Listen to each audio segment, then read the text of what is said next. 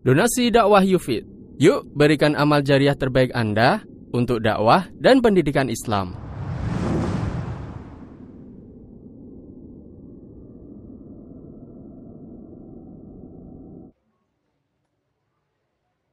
Bismillahirrahmanirrahim Assalamualaikum warahmatullahi wabarakatuh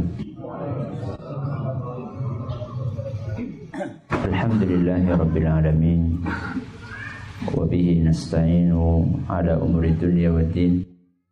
Wa sallallahu ala nabiyyina wa sayyidina Muhammadin Wa ala alihi wa sahbihi ajma'in. Amma ba'd. Kita panjatkan puja dan puji syukur kehadirat Allah Subhanahu wa taala. Pada kesempatan malam yang berbahagia kali ini, kita masih kembali diberi kekuatan, kesehatan, hidayah serta taufik dari Allah Jalla wa.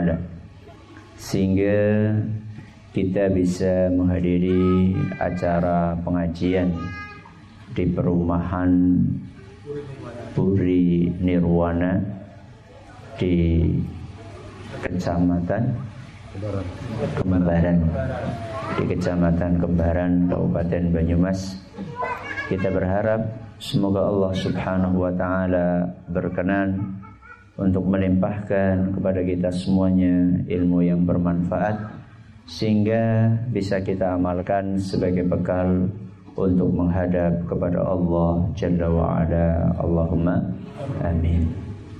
Salam dan salam semoga senantiasa tercurahkan kepada junjungan kita Nabi besar Muhammad sallallahu alaihi wasallam kepada keluarganya, sahabatnya dan umatnya yang setia mengikuti tuntunannya hingga di akhir nanti. Para hadirin dan hadirat sekalian yang kami hormati, pernah suatu hari Nabi Musa alaihi salam berbincang-bincang dengan Allah Subhanahu wa taala. Berbincang-bincang dengan siapa? Allah Subhanahu. Makanya julukannya Nabi Musa itu adalah Kalimullah. Apa julukannya? Kalimullah. Kalimullah itu orang yang diajak bicara sama Allah. Kalau Nabi Ibrahim julukannya Khalilullah. Apa artinya Khalil? Kekasihnya Allah. Kalau Nabi Musa apa tadi julukannya? Kalimullah. Seorang yang diajak bicara langsung sama Allah. Apa kira-kira isi dari perbincangan antara Nabi Musa dengan Allah Subhanahu wa taala? Nabi Musa lah yang mengawali perbincangan tersebut.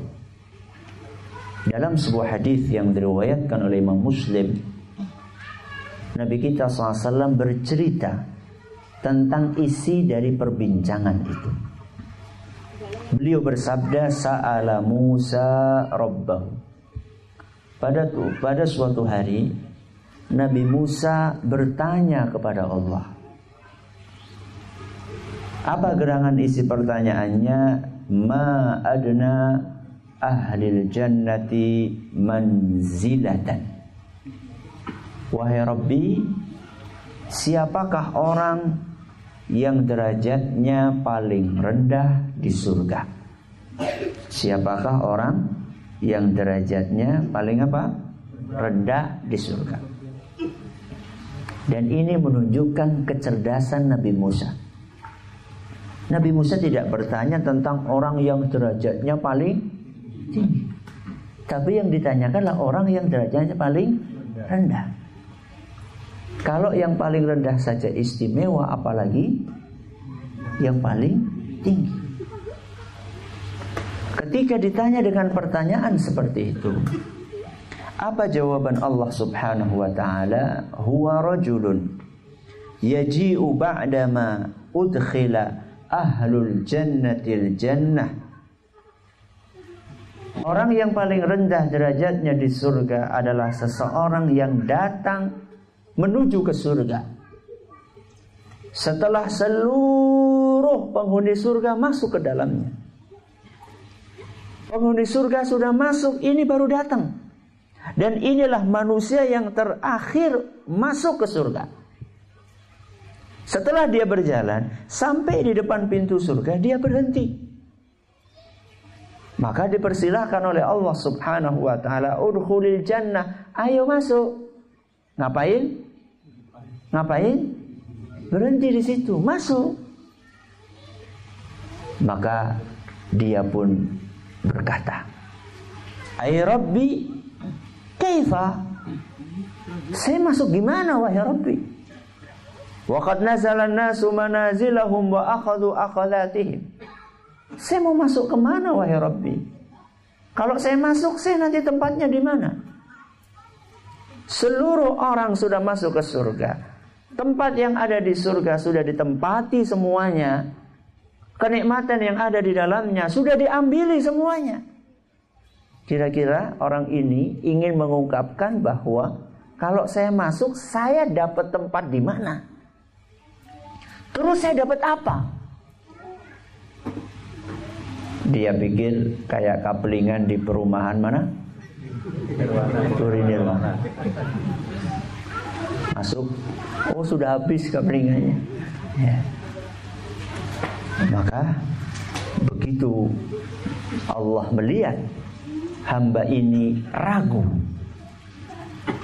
untuk masuk kira-kira dapat apa?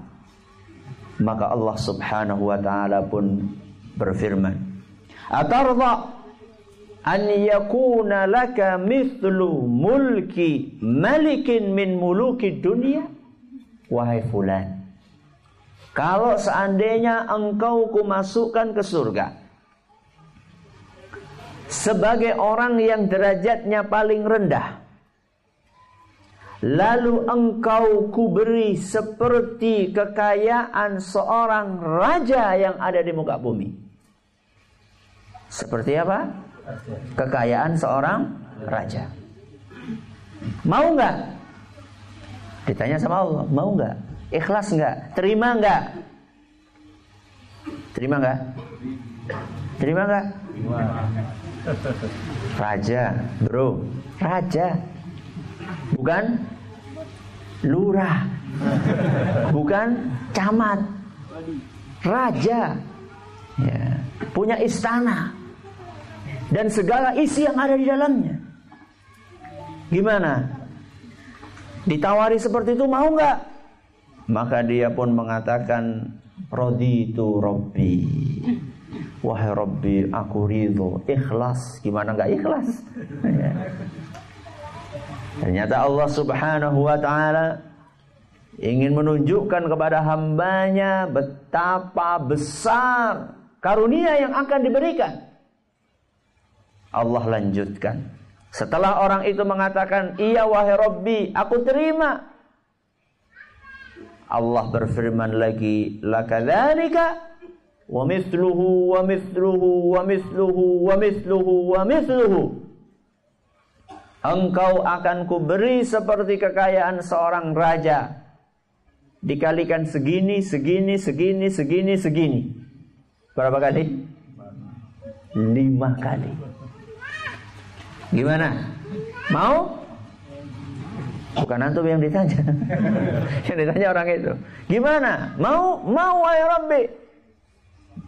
Ternyata Allah Subhanahu wa taala ingin menunjukkan lagi Allah firmankan lakadzalika wa asyaratu amsalihi. Wahai fulan, engkau akan kuberi seperti itu masih dikalikan 10 kali lipat lagi. Berarti berapa kali lipat? 50. 50 kali lipat kekayaan seorang raja. Itulah derajat yang paling rendah di surga. Pengen? Pengen apa orang? Orang pengen dure? semua orang kalau ditanya pengen masuk surga atau tidak saya yakin semuanya akan mengatakan mau. Walaupun dia seorang penjahat kelas kakap yang dipenjara seumur hidup di Nusa Kambangan. Kalau ditanya pengen masuk mana jawabannya surga. Rata-rata orang ditanya pengen masuk surga, iya. Tapi ajib, aneh, ada orang yang nggak mau masuk surga. Ada orang yang nggak mau masuk surga. Sebagaimana yang disabdakan oleh Nabi SAW dalam hadis yang diriwayatkan oleh Imam Bukhari. Nabi kita sallallahu alaihi wasallam bersabda, "Kullu ummati yadkhuluna al-jannata illa man aba." Seluruh umatku masuk surga kecuali yang nggak mau. Apa kata Rasulullah SAW? Seluruh umatku masuk surga kecuali yang nggak mau. Berarti ada yang mau, ada yang nggak mau. Ada. Nabi SAW katakan itu. Aneh kan? Para sahabat pun merasa heran. Maka para sahabat bertanya kepada Rasul SAW, Ya Rasulullah, wa man ya'ba? Wahai Rasul, masa ada yang nggak mau? Siapa yang nggak mau? Maka kemudian Nabi Shallallahu Alaihi Wasallam bersabda, Man ata'ani dakhalal jannah. Siapa pun yang mau taat kepadaku berarti dia mau masuk surga. Berarti yang nggak mau siapa? Yang nggak taat kepadaku berarti dia nggak mau masuk surga. Berarti yang nggak mau masuk surga sedikit apa banyak? Yang nggak mau masuk surga sedikit apa banyak? Banyak. Kon sholat orang sholat. Kon nganggo jilbab, orang nganggo jilbab. Kue jadi orang gelem lebu surga. Walaupun lisannya ngomong pengen masuk surga. Karena masuk surga itu bukan hanya dengan angan-angan. Ya. Mlebu wabung berak gratis. Oh wabung, oh wabung. Bayar apa enggak? Bayar. Apalagi masuk surga. Masa gratis? Surga ini siapa sih? Ya. Jadi untuk masuk ke surga itu ada syaratnya. Ya. Syaratnya Allah sebutkan ada empat syaratnya. Ada berapa? Empat. Ada empat. Dan empat syarat itu Allah sebutkan di dalam sebuah surat yang sangat pendek. Dan saya yakin semuanya hafal. Surat apa? Surat apa? Surat? Surat? Wal asr. Surat? Wal asr. Apa lah orang? Ora boleh kebangetan soal asr ora hafal. Kalau saya tanya surat Al-Baqarah mungkin wal asr ora hafal ya kebangetan. A'udzu billahi minasyaitonir rajim. Bismillahirrahmanirrahim. Wal asr. Innal insana lafi khusr illa alladhina amanu wa amilus salihat wa tawasau bil haq wa tawasau bis sabr. Empat kunci masuk surga ada di mana? Surat Wal Asr. Sampai-sampai saking besarnya isi dari surat ini sampai-sampai Imam Syafi'i pernah mengatakan, "Lauma anzalallahu hujjatan ala khalqihi illa hadhihi surah lakafathum. Seandainya Allah Subhanahu wa taala tidak menurunkan dari Al-Qur'an kecuali satu surat ini tok. Surat apa tadi? Wal Asr. Wis cukup. Al-Qur'an berapa surat? 114 surat. Surat yang pertama Al-Fatihah. Yang terakhir An-Nas. Lumayan. Ngerti nomor siji karo nomor 114 Walaupun bungko Nomor telu, nomor papat, nomor lima. 114 surat tadi. Andaikan Allah tidak turunkan kecuali cuma satu saja. Surat apa? Al-Asr. Niscaya sudah cukup. Mulai surat Al-Asr ini jadi favorit. Karena apa? Nah, bukan karena kandungannya, karena pendeknya. Kawit mien, kawit paut. Nanti tua. Suratannya apa? Wal asr inna a'tayna qul huwallahu ahad qul a'udzu birabbil falaq qul a'udzu birabbin nas. Kawit paut nganti tua orang ganti-ganti. Istiqomah. Istiqomah gini gini. Surat apa tadi? Wal asr. Jadi Allah berfirman Wal asri demi masa Innal insana lafi khusrin Semua manusia dalam kerugian Semuanya rugi Gak ada yang untung Illa kecuali Kecuali manusia yang memenuhi Empat syarat yang Allah sebutkan dalam surat Al-Asr Yang pertama Illalladzina amanu yang pertama kata para ulama kuncinya adalah ilmu. Padahal di situ tadi dikatakan illalladzina amanu. Amanu artinya iman. Kenapa kok kemudian para ulama menyimpulkan dari iman itu kunci yang pertama ilmu? Kata para ulama, karena iman tidak akan bisa benar kalau tidak dilandaskan ilmu. Maka kunci yang pertama adalah il ilmu. Wa amilus solihat. Yang kedua adalah amal. Yang pertama ilmu, yang kedua amal. Wa tawasau bil haq.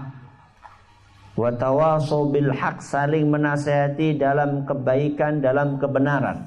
Dakwah. Apa? Dakwah.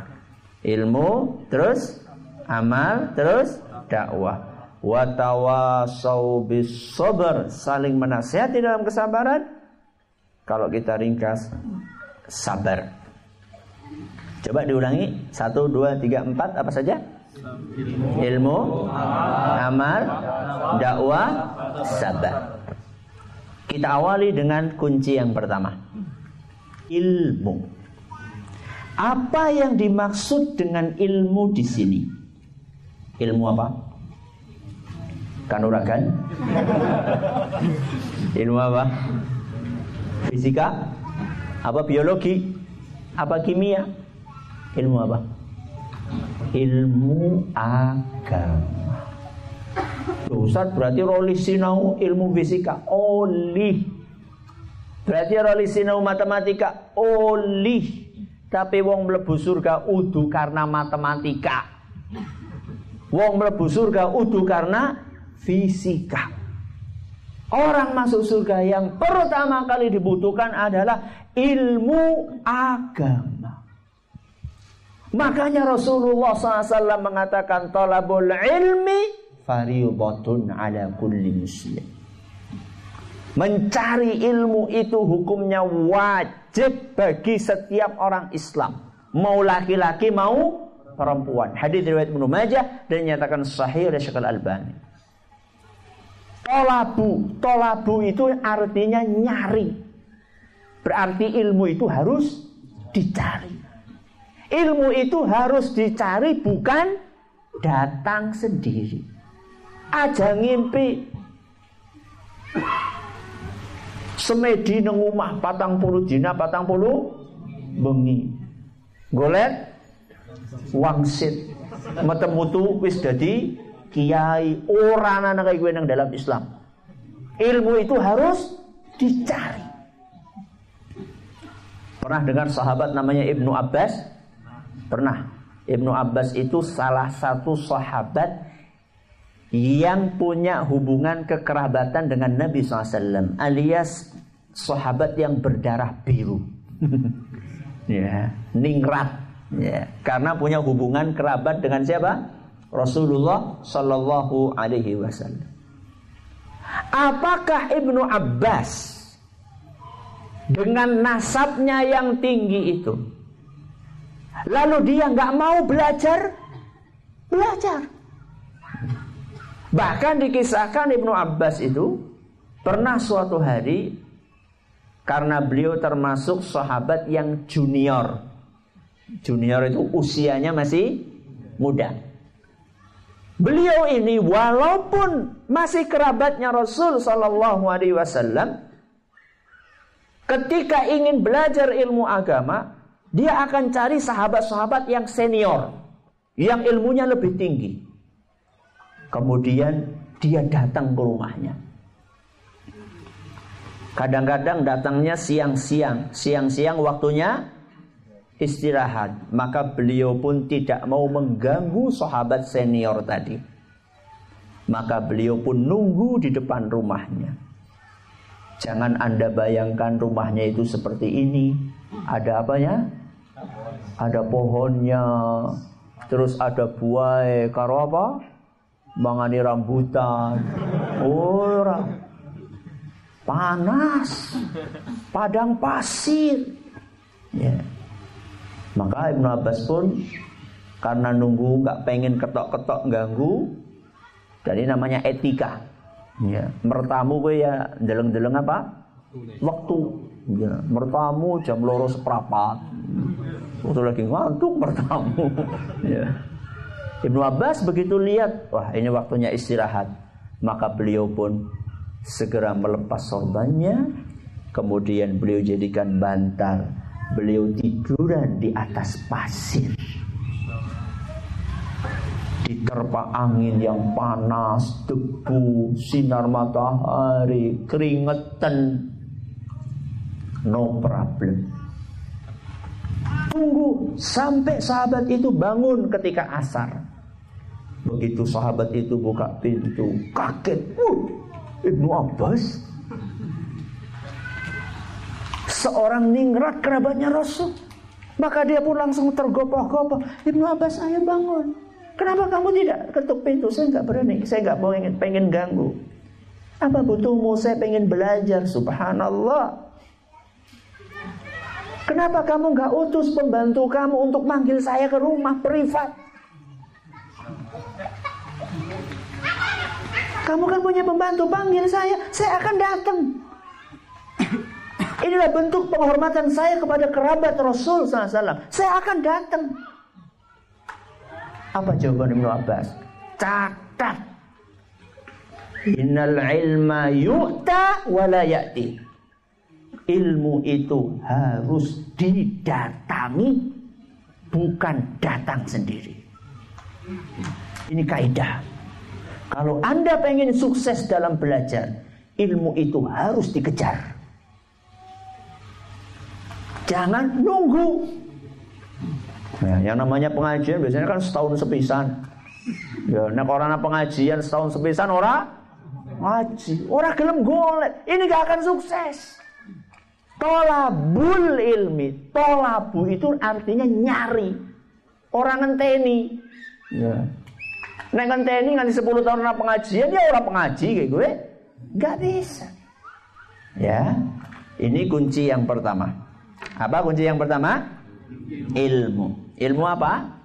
Agama. Apa untungnya Ustadz kalau misalnya kita ini dapat ilmu dan kita berilmu? Masya Allah untungnya banyak sekali. Man salaka tariqan yaltamisu fihi ilman sahalallahu lahu bihi tariqan ilal jannah. Barang siapa yang berjalan di sebuah jalan, meniti sebuah jalan untuk mencari ilmu, maka dia akan dimudahkan jalannya ke mana? Ke surga. Orang yang berilmu itu loh, dimudahkan jalannya ke surga. Setiap saat akan didoakan oleh seluruh makhluk yang ada di muka bumi. Bahkan seluruh makhluk yang ada di langit. Kata Nabi SAW dalam hadis yang diriwayatkan oleh Imam Tirmidzi dan hadis ini nyatakan sahih Syekh Al-Albani, wa innal alima orang yang berilmu yastaghfiru lahu man fis samawati wa man fil ardh Orang yang berilmu itu akan didoakan oleh siapa pun yang ada di langit dan di bumi, penduduk langit dan penduduk bumi. Semuanya mendoakan orang yang berilmu hatal hitanu fil ma sampai ikan di dasar lautan itu akan mendoakan. Iwak apa? Iwak apa baik?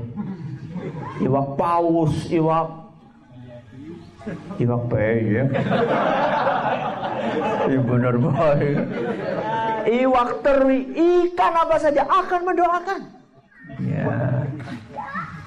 Makanya nggak usah repot-repot minta didoakan. Kadang-kadang kita tok tok tok ustad ya minta didoakan. Kalau jenengan pengen didoakan, ustad itu kan banyak dosanya. Ustad itu banyak dosanya. Ikan itu loh nggak ada dosanya. ya, nggak ada dosanya itu.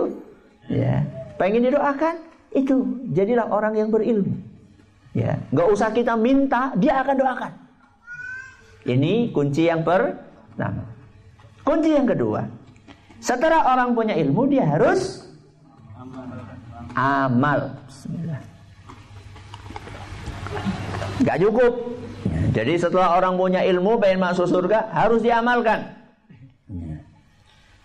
Karena ilmu itu cuma sarana. Sarana untuk mencapai sebuah tujuan. Jadi orang tidak akan sampai ke tujuan kalau nggak pakai sarana. Dan tujuan yang kita cari adalah amal. Maka orang setelah punya ilmu nggak cukup, harus diamalkan. Contohnya, wis diceluk hayya 'ala shalah.